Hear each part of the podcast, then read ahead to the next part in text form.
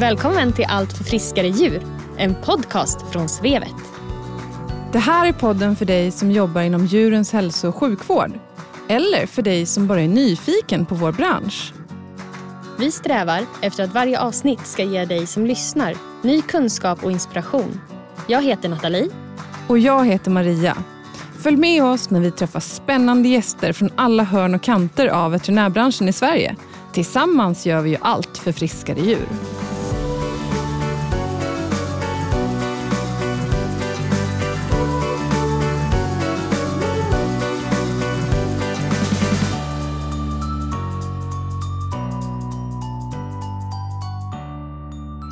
Maria! Tjena Nathalie! Hur är läget?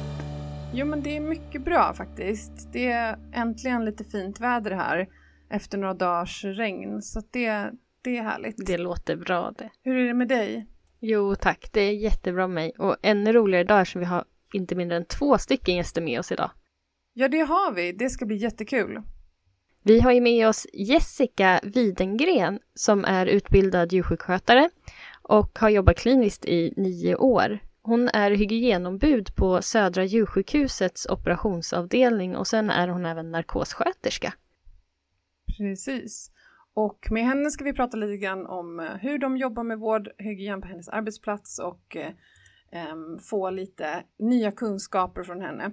Men så har vi med oss en gäst till då som nämnt och det är Maria Skålbrant. Hon jobbar på BD som produktspecialist i området infektionsprevention och hon är dessutom sjuksköterska i grunden. Så att hennes input kommer vi få kring eh, dels eh, lite olika produkter och material för infektionsprevention och vårdhygien, men också lite spännande jämförelser och insikter från humanvården, vilket ska bli väldigt kul. Välkommen till podden! Tack snälla! Tack så mycket! Jessica, kan inte du berätta varför du har valt att syssla med just vårdhygien och vad det är som är så spännande med det?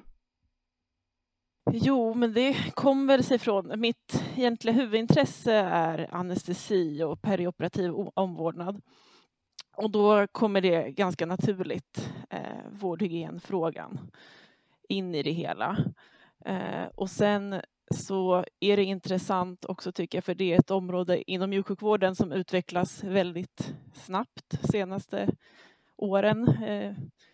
Det finns mycket utvecklingspotential, mycket som händer, nya, ja, nya produkter, nya synsätt, nya arbetssätt eh, som gör att det är intressant. Och sen ser man det i ett större perspektiv så är ju målet eh, och, och att Eh, förhindra smittspridning mellan våra patienter, minska eh, postoperativa eh, infektioner och så vidare. Och även minska antibiotikaanvändning och det är ju liksom ett större perspektiv också, inte bara inom djursjukvården. Fokus för det här samtalet kommer ju vara det patientnära arbetet. Men jag är lite nyfiken och jag tror att lyssnarna också är nyfikna på vilka ni är först och främst. Kan inte du bara Jessica kort berätta, vem är du? Ja, jag är legitimerad djursjukskötare eh, och jobbar på eh, Evidensia Södra djursjukhuset i eh, Stockholm. Och då jobbar jag alltså på framförallt som narkossköterska på operationsavdelningen där jag också är hygienombud och jobbar med hygienfrågor på avdelningen och tillsammans med i vår hygiengrupp som vi har på djursjukhuset. Så det, det är det jag gör om dagarna. Har du någon eh, särskild utbildning inom vårdhygien? Ja, jag har en certifiering eh, genom Vetabolaget eh, mm. som man uppdaterar var tredje år, tror jag det är. Var, varannat eller var tredje år. Och sen så ingår det ju en del vårdhygien i djursjukskötarprogrammet också, mm. vilket är kul och bra. Mm. Och du Maria, vem är du? Berätta lite grann om dig själv och din bakgrund. Hej, ja, jag heter Maria Skålebrant och är eh, sjuksköterska i grunden men har eh, sedan 2006 jobbat inom läkemedelsindustrin och eh, lite i, olika roller. Och sedan tre år tillbaka så är jag produktchef för en portfölj som heter infektionsprevention på ett medicintekniskt företag som heter BD.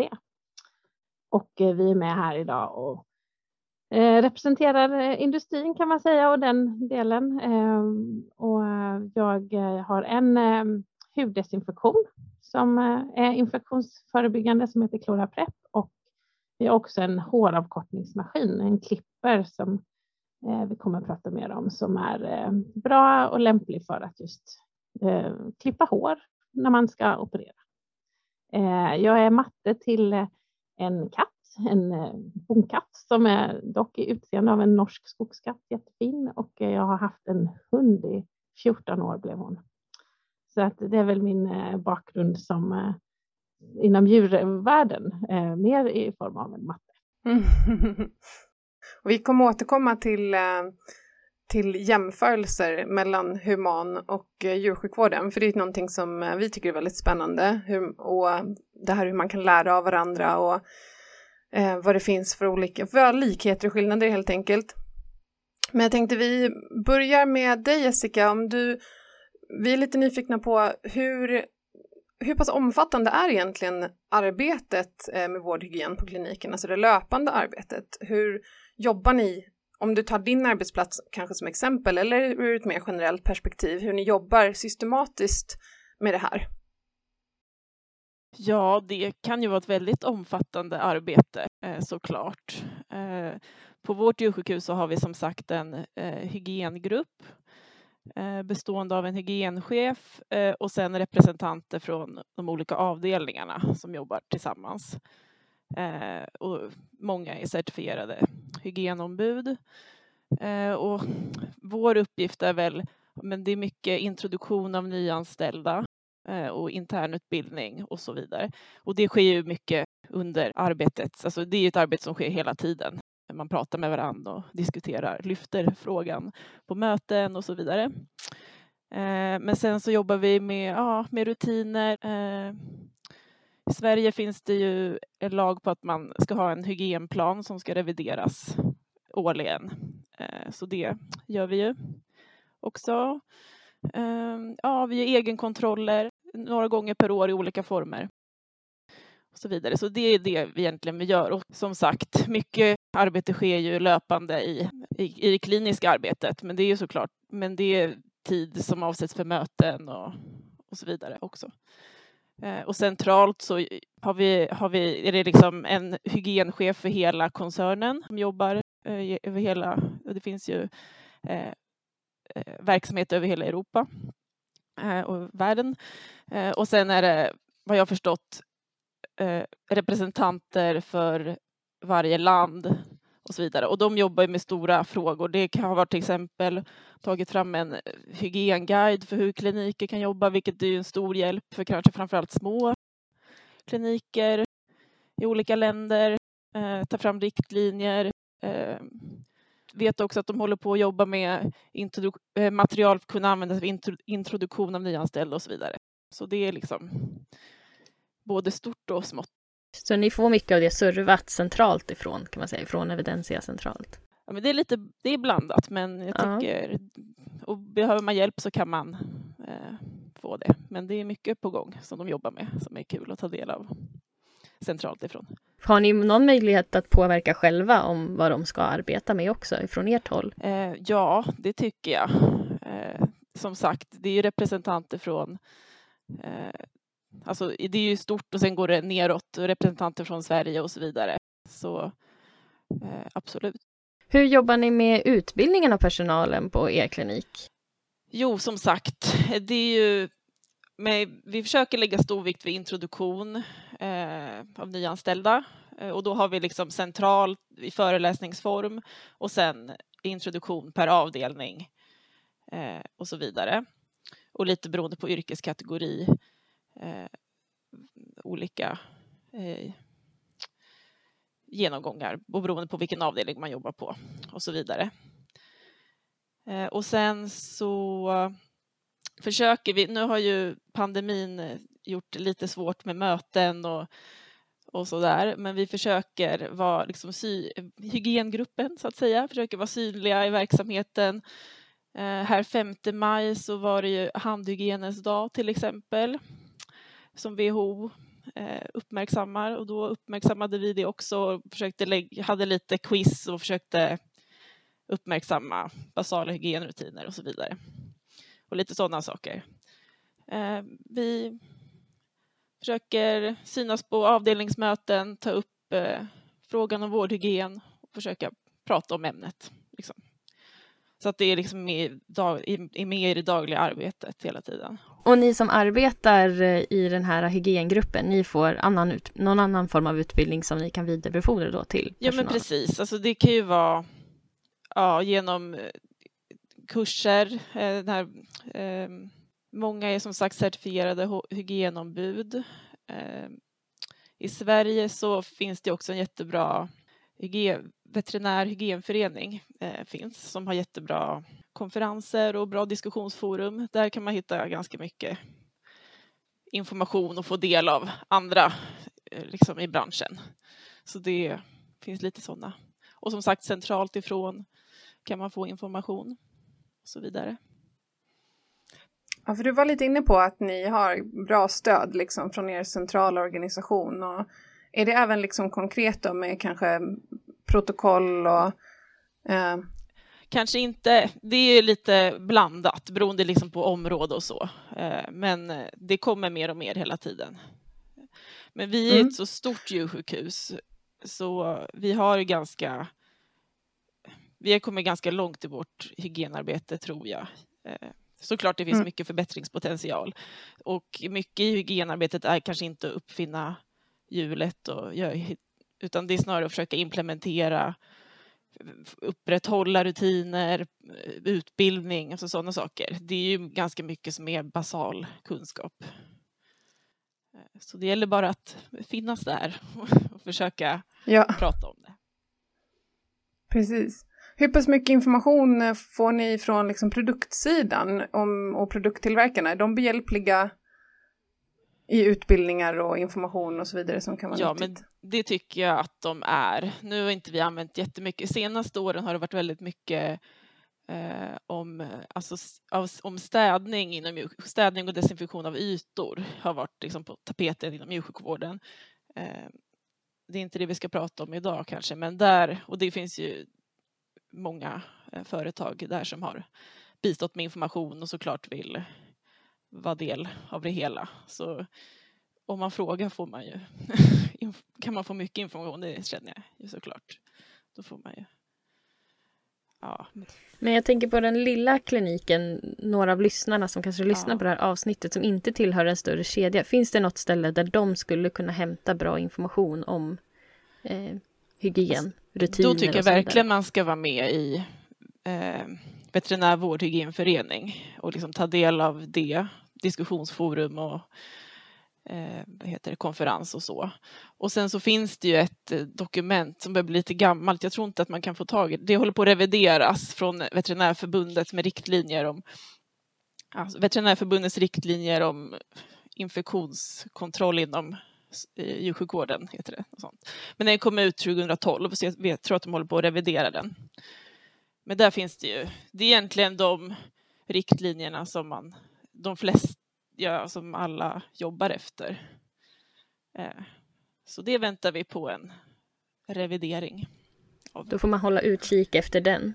Maria, när du lyssnar på det här, låter det bekant eller är det, liksom, är det en annan värld än vad du, din erfarenhet från humanvården? Jag vill faktiskt säga att det finns många likheter och eh, det jag tycker är viktigt när man eh, pratar om infektionsprevention, det är ju att man får se det nästan som tårtbitar. Eh, att, att det är många delar i, en, Eh, i det man gör som, som eh, faktiskt spelar roll just vad man får för, eh, för infektionsrisk. Man tittar både på tekniker, man tittar på hur patienten har det i form av blodsockernivåer, vad patienten har för temperatur. För alla de här olika delarna påverkar risken för en infektion. Och så, så där, där tror jag ändå att man ser mycket som är lika. Sen, sen vill jag ändå, som, som kommer ifrån eh, medicintekniska branschen och läkemedelsindustrin här, att faktiskt eh, också räcka ut handen att är det så att man har produkter som man använder så, är man, eh, så har man all rätt att höra av sig till företagen, kanske titta på förpackningen, var den kommer ifrån. För att alla företag vill att ens produkter ska användas på rätt sätt och att eh, verkligen produkten kommer till sin, sin rätta nivå. Eh, så var inte blygsamma och fråga om hjälp, för man kan ringa, det finns alltid ett kundtjänstnummer, eh, man kan få utbildning på plats men man kan också kanske få något skicka till sig, några instruktioner för steg för steg. Så att eh, man ska verkligen vara i samarbete tycker jag med, med industrin på det sättet att, att allt kommer till så stor nytta som möjligt. Var inte rädda för det. Ja, jättebra, jättebra tips. Och Jessica, du som jobbar på ett stort ställe med många viljor och många olika typer av människor och tankar och idéer om hur saker ska göras. När ni kommer med ny information om nya riktlinjer eller rutiner för hur hygienen ska skötas, brukar det tas emot bra eller är det lätt att få med alla ko kollegor på tåget? Ja, alltså människan i sin natur gillar nog inte förändring eh, särskilt mycket. Det får man ju acceptera. Eh, helt enkelt. Eh, så det vi försöker göra är att göra det så enkelt som möjligt. Eh, för det är alltid, man tycker inte, många tycker inte om förändringar och det är jättemycket rutiner som ändras hela tiden. Det gäller ju inte bara, bara vårdhygien utan det är ju liksom allt möjligt. Så det har vi i åtanke och det får man bara acceptera och in, försöka informera så bra som möjligt i, på olika sätt, muntligt eh, via skriftligt eh, och så vidare. Eh, och som sagt, vi försöker föregå genom att ha liksom få produkter. Eh, det ska vara så lätt som möjligt eh, och, och göra rätt och förstå eh, varför man ska göra vissa saker och så. Men så det är ju så, varje gång man inför någon ny, gör, vill göra någon förändring så är det en ganska stor, stor grej. För du var lite inne på det Jessica, med liksom att det kommer nya och uppdaterade rutiner och så. Jag menar utvecklingen på det här området har ju, mm, har ju varit enorm de sista, liksom, ja, om man tittar på de sista 20-30 åren så är det ju som nattdag, men även kanske de sista åren bara händer det saker. Um, hur, hur är din bild liksom av utvecklingen som har skett hos er och generellt? Jo, men min bild är väl att man har det har skett ett arbete, man har liksom sett ett, en eh, vy över hela eh, djursjukvården, alltså vårdhygienen inom djursjukvården och sakta liksom börjat eh, förändra delar eh, av det hela. Det är som sagt vissa områden har ju varit väldigt eftersatta till exempel och ingen direkt eh, struktur överhuvudtaget. Men nu känner jag att nu börjar vi komma eh, ganska långt och det börjar komma lite mer, ja men hur ska vi jobba systematiskt, hur ska vi utvärdera, följa upp och så vidare. Så det tycker jag känns spännande att vi liksom kommer in i nästa fas nästan. Eh, att man kan börja följa upp och utvärdera sitt arbete på ett annat sätt eh, än att som tidigare att det handlar om nästan att alltså från långt tidigare att lyfta från ingen nivå till någon slags dräglig eh, nivå så börjar det nu eh, liksom komma vidare. Det tycker jag är jättespännande. Eh, och det är ju faktiskt det är det som är positivt då med eh, de här stora koncernerna, att man kan få liksom större perspektiv och hjälpa eh, samla in data och hitta eh, standardiserade sätt att mäta resultat och, och så vidare.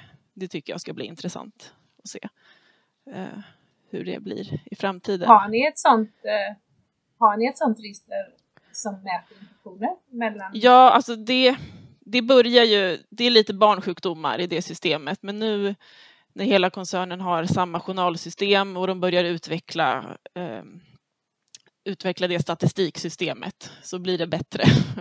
det är inte helt lätt. Ja, spännande det är en sak som, kommer, som jag bara kom, tror kommer bli det är liksom digitala lösningar man måste göra för att fånga upp det.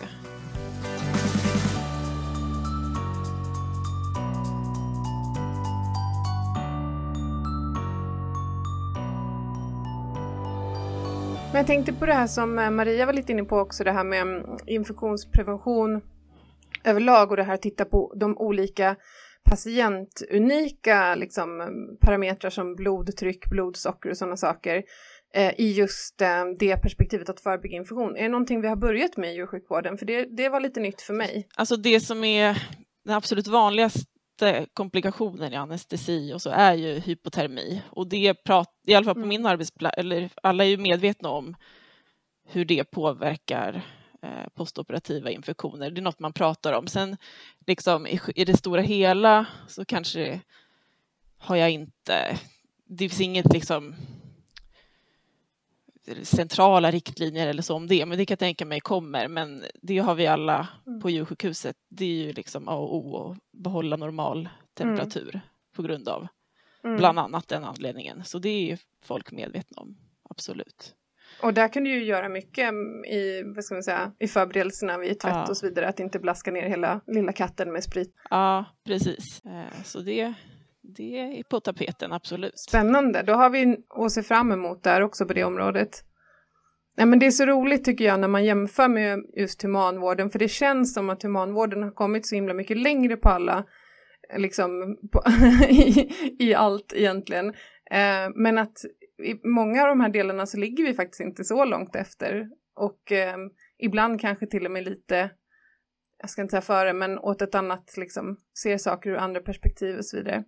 Men eh, jag tänker på det här med hur har, liksom, utvecklingen har varit. Eh, ser du en stor skillnad, Maria, om man tänker på, för man tänker ju lätt så här, ja men den utvecklingen, den har väl skett, alltså det var väl hundra år sedan man hade en dålig hygien i humanvården liksom, men, men eh, hur är det liksom i modern tid eller nu, alltså de senaste åren, vad är det för utveckling man ser det här? Sker det några större genombrott liksom? Ja, men det tycker jag faktiskt att det har gjort. Och man har idag många register där man mäter just eh, vårdrelaterade infektioner och det gör man globalt. Eh, och ser man på vår socialstyrelse så har man ju eh, faktiskt ganska bra koll vad vårdrelaterade infektioner kostar och också eh, faktiskt hur många som man får i olika typer av ingrepp. Och WHO tittar också på det här med healthcare in, eh, acquired infections, just att man, att man ser att det är mycket ögon på det. Och, och till och med i USA så har man, man har ju sina register och där är det ganska tufft att har man inte gjort allt som man kan göra för att minimera risken för infektioner så kan man ju faktiskt till och med bli stämd. Så den, eh, det är också en ganska tvingande eh, sätt att, att faktiskt bråka med infektioner. Eh, I Sverige har man ju sedan faktiskt redan på 80-talet ganska 100 procent gått över till klorexidinsprit. Och det är ju för att man såg att man faktiskt fick ner eh, infektioner när man la till det här med eh, klorexidinet i spriten. För klorexidinet har just den här kvarvarande effekten som eh, man såg att, att det gjorde liksom nytta längre tid. Så alkohol är här och nu med klorexidin. Eh, och det man ser när man går ifrån 5 milligram per milliliter i klorexidinspriten till 20 milligram per milliliter, det är att man får en ytterligare kvarvarande effekt på huden. Och använder man 20 milligram per milliliter så kan man läsa i fast att man får en effekt i minst 48 timmar på huden efter man har opererat klart. Då. Men jag ser ju faktiskt att man, man använder jod en hel del i Europa. Använder ni jod idag i eh, djurvården, Jessica? Vi använder bara klorexidinsprit. Ja, vad bra. För det, det, det, det, det är ju skönt att man ändå har kommit så pass långt. Ja, det är väl inte jättelänge sedan. När jag började jobba som djursjukskötare, det är lite mer än tio år sedan, då fanns det ju folk, alltså det, då var ju det hyfsat vanligt ändå, att man använde jod fortfarande inom djursjukvården. Och jag vet Ehm. att vi fortfarande säljer jod, eh, Mm. men jag vet inte vad det går till. det skulle ju vara lite spännande att ta reda på. Ja, Ja, jag tror det används lite inom eh, sårvård också, inom, har jag sett i alla fall på djur. Precis, det kan vara liksom i lantbrukets djur och sånt kan man säkert använda det mycket. Eh, Sen vet det, jag ja. inte om det finns smådjurskliniker eller liknande som använder det i perioperativa operationstvätten. Eh, Som sagt, jag tror inte det är avråd från det i de här riktlinjerna från Veterinärförbundet, men den är som sagt från 2012. Jag kommer faktiskt inte riktigt ihåg. Det är ju tio år sedan. så- Ja, precis, det blir gammalt. Vet du Jessica om vi har sett några liksom, stora skillnader eller det kanske inte har förts den, vi, alltså vi har inte varit så superduktiga på statistik Nej. heller inom djursjukvården. Nej, det är det vi saknar lite. Mm, Bra att kunna mäta på ett bra sätt. Det är verkligen, när vi kan göra det så kommer det hända grejer tror jag. Eh, Så det hoppas jag verkligen att man kan satsa på från de här stora koncernerna, koncernernas håll. Eh, Att kunna mäta vårdrelaterade infektioner på ett bättre sätt. Och sen hur i journalsystemet så det vet jag inte. Men eh, så det vore jätteintressant. Eller mycket saker vore intressant att kunna titta närmare på. Faktiskt. Eh, för det kan ju faktiskt vara något man frågar efter som husse och matte. Ja. Just det här, vad har ni för eh, eh risk för infektioner på er eh, enhet? Ja, det skulle man ju verkligen önska att djurägarna efterfrågade i högre utsträckning. Ja, för det är ju, det, de finansierar ju vården så det är klart det, Hur gör ni idag Jessica när ni huddesinficerar? Vad, vad, vad har man för, för teknik? Um, jo, men först, vi kan ta hela processen. Mm. Men vi rekommenderar på de planerade eh, inför planerad kirurgi så rekommenderar vi att de tvättar djuret hemma, alltså med schampo. Eh, vanligt hundschampo dagen innan eh, Eh, som en dusch och torka djuret. Eh, så att det är gjort och sen på operationsdagen, ja först så klipper vi ju pälsen då eh, med klippmaskin som är steriliserade. Och efter det så använder vi klorexidin tvål, alltså det som man inom humanvården använder för att duscha med hemma, gissar jag. Som vi liksom tvättar huden med eh, och låter verka. Och sen så förflyttas patienten in på, i operationssalen då. Eh, och då eh, gör vi, utför vi steriltvätten då, och då använder vi liksom steril tvättpiang och gas vad heter det, kompresser. Så tvättar man patienten med klorhexidinsprit, 5 mg per milliliter och bearbetar huden i minst 30 sekunder och låter det torka. Och sen, och sen börjar vi duka in. Hur gör man eh, med en människa på bordet, Maria? I, om man säger operationsrummet då, nu är ju inte jag operationssjuksköterska som inte, utan jag är ju allmänsjuksköterska, men men man använder piang och tussar och eh, flasksprit i vissa fall och då tar man eh, och börjar på ett ganska stort, stor yta och så går man inåt mot incisionsytan. Eh, använder man applikatortekniken som Cloraprep är, då börjar man alltid över incisionsytan och så mekaniskt skrubbar man där eh, i minst 30 sekunder och man skrubbar fram och tillbaka och lite åt höger och vänster just för att få en eh, åtkomst eh, från alla håll egentligen, för huden är ju inte helt slät, utan man vill försöka komma ner i alla veck och vrår och det är hårsäckar och det kan vara lite små sprickor och det kan vara lite allt möjligt. Så ge det tid för att verkligen vätskan ska kunna tränga ner i huden, men också sen eh, att man eh, låter eh, den här, det här lilla trycket av svampen faktiskt eh, också hjälpa till att skrubba huden. Man säger att 80 procent av våra bakterier finns i de fem översta cellagren, så man vill verkligen komma ner där. Eh, sen eh, ska man inte röra huden. Använder man tussar så är det viktigt att man har ett litet avstånd. Eh, man ska alltså inte komma åt huden med fingrarna när man, när man eh, håller i tussen. Eh, och det är också något som den här handtaget eller applikatorn ser till att man faktiskt inte kommer åt eh, huden. Eh, sen är det så här att när man har applicerat sin eh, sprit, eh, klorexidinsprit, så är det alltid viktigt, och det gäller alla huddesinfektioner, det är att man låter det torka. För torkningstid är verkningstid. Eh, så verkligen se till att eh, spriten får torka och att eh, bakterierna hinner läcka ut. Och det är också mm, faktiskt en eh, del i det här att man har 70 i sprit, för det är den tiden, alltså den tiden 70 i sprit har att torka. Det är den tiden bakterierna behöver för mm. att läcka ut och, och dö. Man vill verkligen få död på så många bakterier som möjligt. Det som är viktigt är att man verkligen låter spriten torka så att man inte Eh, ibland faktiskt inom humanvården så har man blivit lärd och det här var från början eh, för länge sedan när man lärde sig att eh, man kunde torka ytterkanterna för att få draperingen att fästa. Eh, det gör man inte längre för att man vill verkligen få bakterierna att ehm, eh, dö så mycket det bara går. Så försök att låta det torka så mycket, så mycket man kan. Mm. Du har ju nämnt Klora Preppen några gånger här Maria. Mm. För ja. våra lyssnare som inte har sett den förut, den finns ju att se på vår hemsida svevet.se såklart, eftersom vi säljer den. Men kan inte du bara lite kort förklara hur den fungerar och hur den ser ut? Absolut. Eh, Klora Prep är en applikator och i den här applikatorn så ligger det en glasampull med en vätska.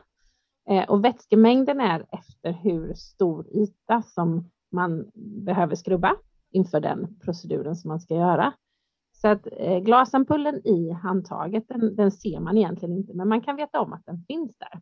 Och sen i änden så finns det en svamp och den svampen är ju då den som är, man ska skrubba huden med. Så att när man håller i sin applikator, i sin lilla skaft, så är det två vingar. Och de här vingarna eh, pressar man ihop och då knäcker man den här glasampullen i eh, handtaget. Och sen eh, låter man vätskan rinna neråt, ren gravitation, så man håller applikatorn med svampen neråt. Och man rör inte svampen. Och sen när man ser att vätskan har runnit ner i svampen, det tar någon sekund eller på säga bara, så, så kan man börja skrubba mot huden. Eh, och eh, som sagt var fram och tillbaka över instruktionsytan och sen boxar man ut till hela den ytan som man vill ha skrubbad. Så fram och tillbaka 30 sekunder. Och eh, som sagt var, sen väter man hela den ytan som man vill ha eh, ren inför operationen. Då. Ja, det jag tycker är intressant med en sån typ av produkt är ju att det blir lite mer standardiserat mängden mm. som man använder. För det känner jag att det, det är ju svårt att utvärdera eller mäta egentligen vår steriltvätt. Det är ju så in, individuellt hur mycket alkohol du använder eh, och så vidare. Ja, precis. Så det är ju... Ja, hur mycket som är en skvätt, det är olika från person till person. Precis. Cloraprep finns i två storlekar just för att man ska kunna välja rätt mängd till den hudytan som man vill skrubba. Så väljer man en 3 ml applikator så räcker den till cirka 15 gånger 15 cm hudyta att skrubba. Och väljer man 10,5 milliliter så räcker den till 25 gånger 30 centimeter att skrubba. Så att eh, se till att, att eh, man har lagom mycket mängd och det ska ju ta en liten stund för spriten att torka. Det, det tar ju upp till en minut, mm. eh, kanske till och med två om det är lite hårigt och så där så att man verkligen ser till att alkoholen får dunsta. Det är viktigt att det inte blir för mycket sprit som rinner och kanske ner under patienten för att Inom humansidan så är man väldigt noga med att aldrig ligger eh, vätska under patienten för att mm. det kan ge kemiska brännskador som kan vara nog så besvärliga efteråt. Man kan få ganska eh, nästan som små sår just där spriten har legat och, och inte kunnat dunsta av sig utan istället irriterat huden. Det borde ju vara detsamma på djuren. Ja, det är det ju absolut. Och sen det här med eh, kroppstemperaturen på patienten som vi har pratat om tidigare. Eh, och också, eh, som vi också sa, att låta det torka ordentligt. Mm. Så det blir ju lätt, ofta för mycket tror jag. Min, bara min mm. erfarenhet. Mm. Eh, men 70 procent är den eh, alkoholmängden som är den optimala för just huddesinfektion. Och det man ska tänka på är att häller man upp vätskan i en kopp innan man ska operera så hinner ju den börja dunsta och då blir ju vattenhalten högre och alltså alkoholhalten lägre. Så att eh, det är också något man bör tänka på. Att inte hälla upp om man använder flasksprit, att inte hälla upp den för tidigt.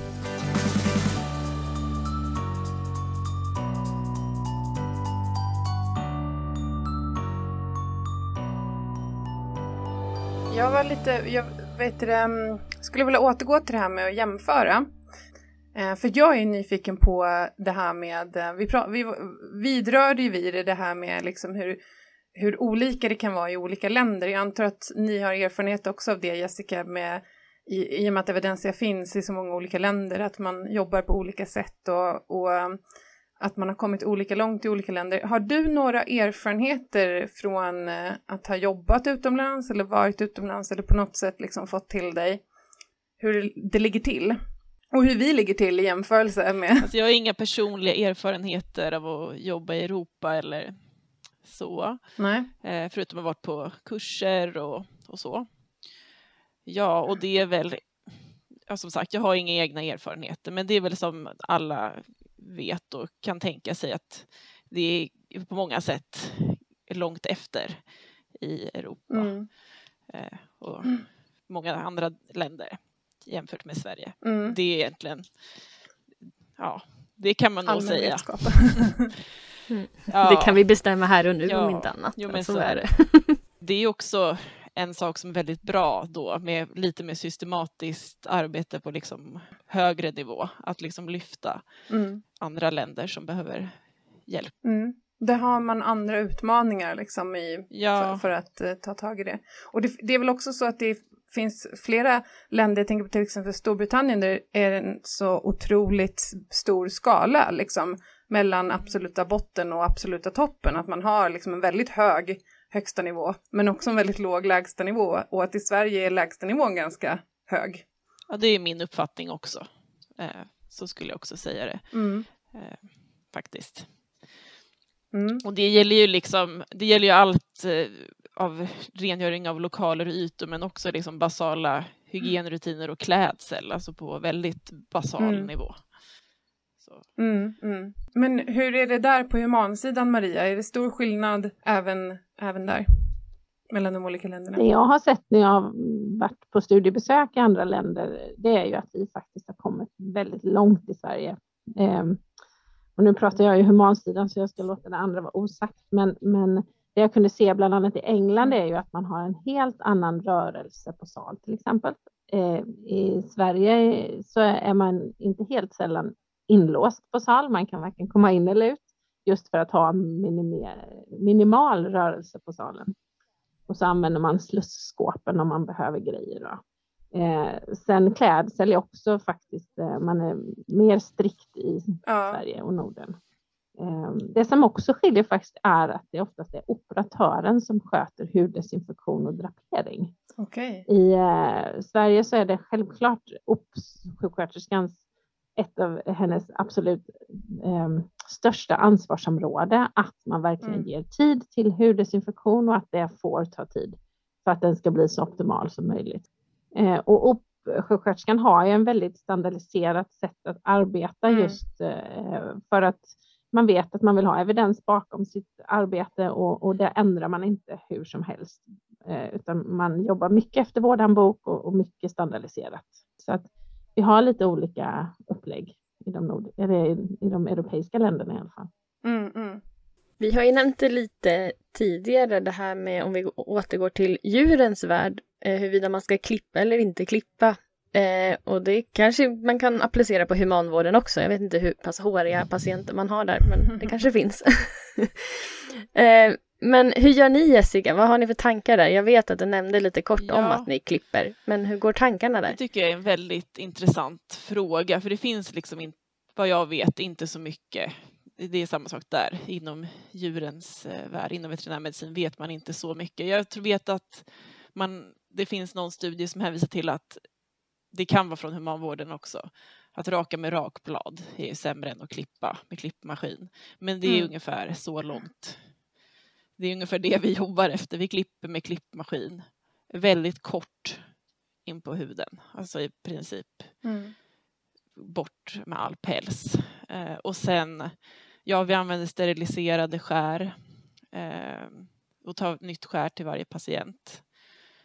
Eh, och undvika att göra sår. Det, och det är ju lätt att säga men det är ju faktiskt en utmaning. Eh, och det händer Mm. ju ofta att patienten får skador av klippningen eh, innan operation. Mm. Eh. Ja, och de där små... Jag tänker på så här typ kattungar Ja. och kanin. De är så tunn, tunn, tunn, tunn hud liksom. Ja, precis. Och det vet vi ju att det ökar risken för postoperativa Mm. infektioner. Så jag funderar, undrar lite om du Maria vet inom human eh, på människosidan. Alltså hur kort klipper man håret? Finns det något, eh, något om det?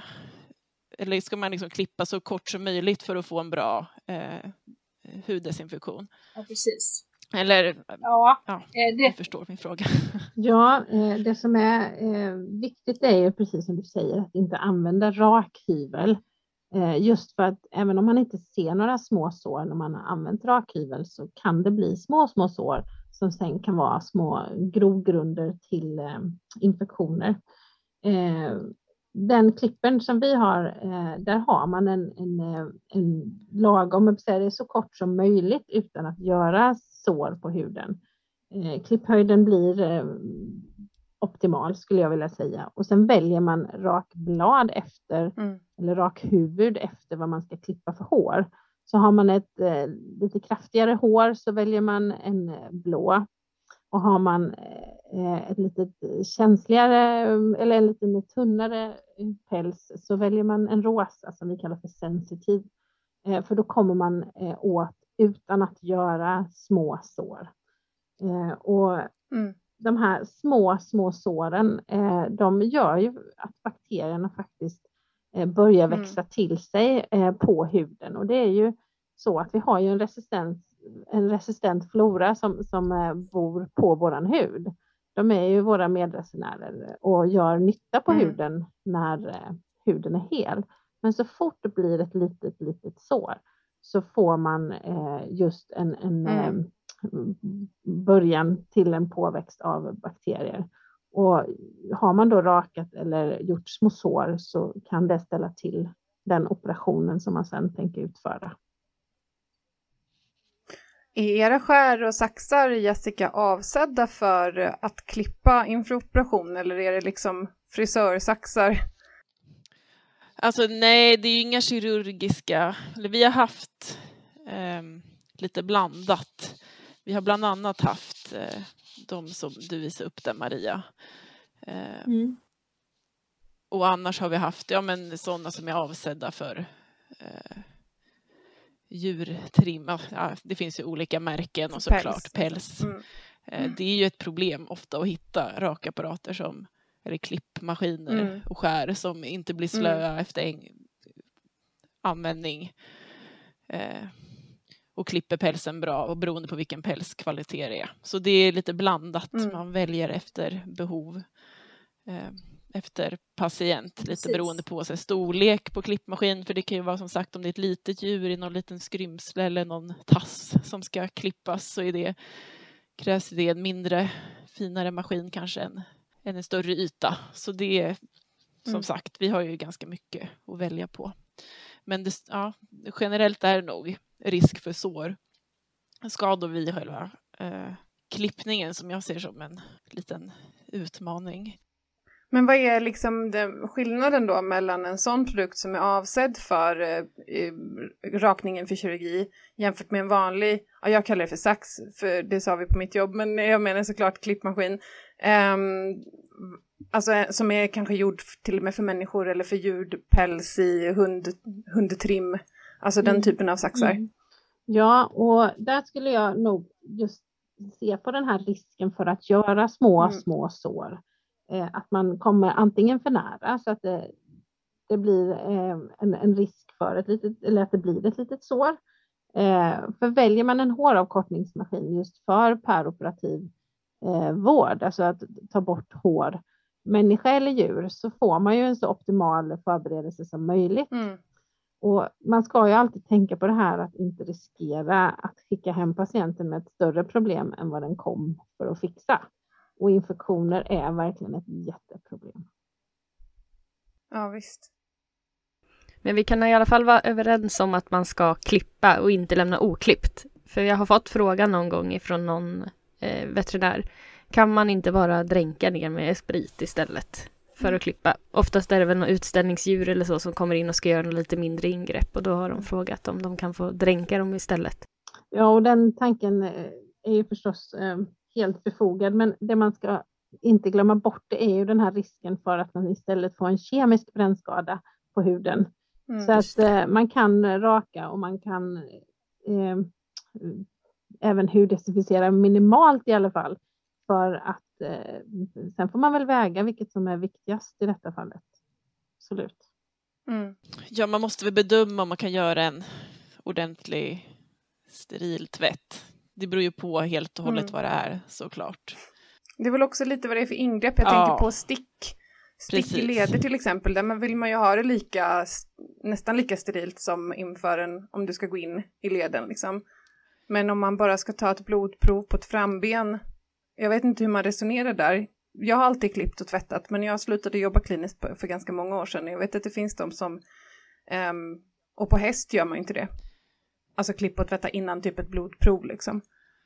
Nej, alltså det, och det finns väl inga eh, data eller studier, det är bara klinisk erfarenhet Nej. i så fall som kan tala för ja. det. Eh, så, eh, men rekommendationen är att man gör steriltvätt även vid, alltså vid all punktion av huden. Ja, men, just det. Ja. Nej, för resonemanget som jag har hört vid något tillfälle det är att du riskerar liksom, värre konsekvenser om du klipper och tvättar och rakar och med alla de mikroskador som kan uppstå. Än, alltså infektionsrisken då är större än om du bara sticker, men det kanske inte... Ja, det tror jag också är så här, ja, det vet jag inte var det kommer ja. ifrån. Men, ja, det är svårt ja. utan data och statistik och alltså, fan, det, det... Ja, det är svårt. Det är lite svårt att säga, men... Eh, Tittar man över på humansidan så vet så säger vårdhandboken att man i alla fall ska skrubba fem sekunder mm. eh, inför en eh, PVK-sättning eh, och ett eh, blodprov. Eh, och det man också ska se det är att huden blir så pass blöt så att när man eh, är klar med sin huddesinfektion så ska det minst ta 30 sekunder för spriten att torka. Det är klart, är det hårigt så tar det ju längre tid. Så att just att avlägsna hår, men återigen med en håravkortningsmaskin då, så man inte riskerar en liten skada. Eh, och det som skillnaden kan man väl säga ändå när man sticker in en steril nål som man sedan tar ut, alltså vid en injektion eller ett blodprov, eh, så är det ju en lägre risk än om man lägger in en eh, kvarvarande kateter eller en så kallad PVK då. Eh, för där lägger man ju nästan en liten Mm, autobahn för bakterien att växa ner och faktiskt ge en infektion eller en tromboflebit. Mm. Så att mycket högre hygien vid en PVK-sättning än vid ett stick. Ja precis och det tror och mm. hoppas jag att alla förstår skillnaden på, eller det är min erfarenhet. Det är skillnad liksom. Men um, om vi går tillbaka till det här med djurägarna, för det känns som att det är ett ytterligare liksom perspektiv i det här. Uh, du var inne på också Maria att det är faktiskt de som bekostar det här. Uh, till skillnad från humanvården så får vi ju betala det direkt så att säga och inte bara via skattsedeln. Det är lätt att säga att humanvård är gratis men vi betalar ju faktiskt för den, bara att vi märker det inte.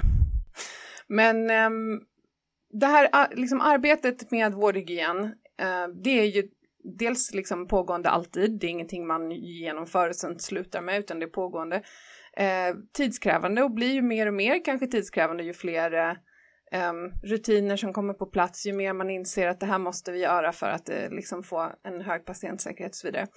Och den här kost kostnaden då, den bärs ju av djurägaren. Hur gör ni för att kommunicera till djurägarna att det här är ett viktigt arbete, eh, vi måste liksom lägga pengar på det här. Eh, det är därför, för det har ju varit mycket diskussion om veterinärpriser, det är ju alltid diskussioner. jag tror hade Facebook funnits på 80-talet så hade det säkert varit diskussion om veterinärkostnader där då också. Men just det här liksom att sådana här lite mer osynliga kostnader, um, hur, hur förklarar man dem för djurägaren? Vi måste ta mer betalt därför att vi gör ett mycket större arbete med vårdhygienen nu än för 20 år sedan och det kostar pengar. Um, Ja, det är intressant eh, ämne tycker jag. Eh, och det är något som, eh, som det känns som det är ett, en fråga för hela branschen, inte bara när det gäller vårdhygien utan liksom få mm. fram till kunden egentligen vad det är för produkt man säljer mm. rent krast. För det, mm. mm. det förstår jag nästan att djurägarna inte förstår. Det är svårt som djurägare att ha insikt i varför vård man får kanske för sitt djur, för sina pengar och mm. så. Mm. Eh, och jag har inget bra svar på det. Alltså det är svårt. Alltså, vi, har inget jättestort arbete liksom centralt eller på lokalt på vårt djursjukhus eh, för det här. Det blir ju mycket till exempel veterinärens ansvar att förklara för ägarna alltså varför man vill ta en bakterieodling till exempel innan man sätter in mm. eller när man sätter in antibiotika. Så, men i större perspektiv så är det inte jättemycket faktiskt och det är något som man skulle behöva jobba med. Vi, vi beskriver ju kortfattat i informationen som djurägaren får inför en bokad operation så här, hur vi jobbar och att vi försöker mäta vårdrelaterade infektioner och så vidare. Eh, så det mm. får ju de, men annars eh, är det inte jättemycket. Men det är också en sån här grej som man skulle önska centralt ifrån att man jobbar, jobbar med för att informera ägarna. Mm. Uh. Jag tänker att sånt arbete måste ju underlättas av att man har konkreta ja. data. Titta här, sen vi införde den här rutinen så har vi fått ner Ja men precis, och det vore, jag skulle, det vore jättekul om någon ägare verkligen frågar efter också, för det har jag aldrig mm. varit med om tyvärr. Men, eh, Nej. Uh, så. Det kanske kommer, för djurägarna blir mer och mer medvetna också om vad de ska fråga om. Ja, ja och det vore ju jätte, då kanske skulle hända jättemycket roliga grejer. Ja, men då finns det utvecklingspotential där, det kan vi vara överens om. Men då, då jag tänker, även om trots att du är operationssköterska då så kanske du träffar en annan djurägare ibland. Jo, men det gör jag. kanske lätt inte att man, man isolerar sig där nere. Men eh, när du träffar djurägare, liksom, är det, upplever du att det finns en förståelse hos dem att sånt här måste få kosta? Eller är det så att det inte ens kommer på tal kanske och att man inte ifrågasätter eller tar, angriper det från alltså, den vinkeln? Rent vård, alltså just det vårdhygien och så förbrukningsmaterial kanske och alltså det, prat, det är mer vården i stort liksom man kanske pratar mm. om om det kommer på tal, varför mm. vården kostar eh, pengar mm. och så. Med en enskild person. Om de frågar så får man ju diskutera det, men inte så mycket just eh, liksom vårdhygien kanske på det sättet. Mm. Jag vet inte, mm. ja det skulle verkligen behövas information tror jag i stort. Mm. Precis som Nathalie säger, de djurägare blir ju mer, mer och mer medvetna och kanske börjar ställa frågorna mer. Det ger ju också ett, ett ytterligare incitament för djursjukvården att faktiskt ta fram de här siffrorna och, och um, ta ett helhetsgrepp kring det. För att um, det, så att det inte bara är för vår egen nyfikenhets skull så att säga, utan faktiskt att det gör någon nytta liksom även hos mottagaren så att säga. Det har varit jätteintressant att få prata med er två idag och jämföra humanvården versus eh, djursjukvården eh, när det kommer till hygien. Och vi har en sista fråga som vi ställer till alla våra eh, gäster innan de får lämna oss för dagen. Och det är ifall det finns någon speciell person eller något speciellt ämne man skulle vilja höra om i den här typen av podcast. Och jag börjar med dig Jessica, finns det någonting som du skulle vilja höra mer om? Ja, här? som sagt, nu är jag lite insnöad på vårdhygien efter vårt samtal, så jag kommer att tänka på en person som är lärare på djursjukskötarprogrammet som heter Todd Johansson som också forskar eh, inom vårdhygien eh, inom djursjukvård. Som jag, det tycker jag vore intressant att lyssna mer på hur det går med det. Spännande. Ja. Ja, verkligen. Ja, och du Maria?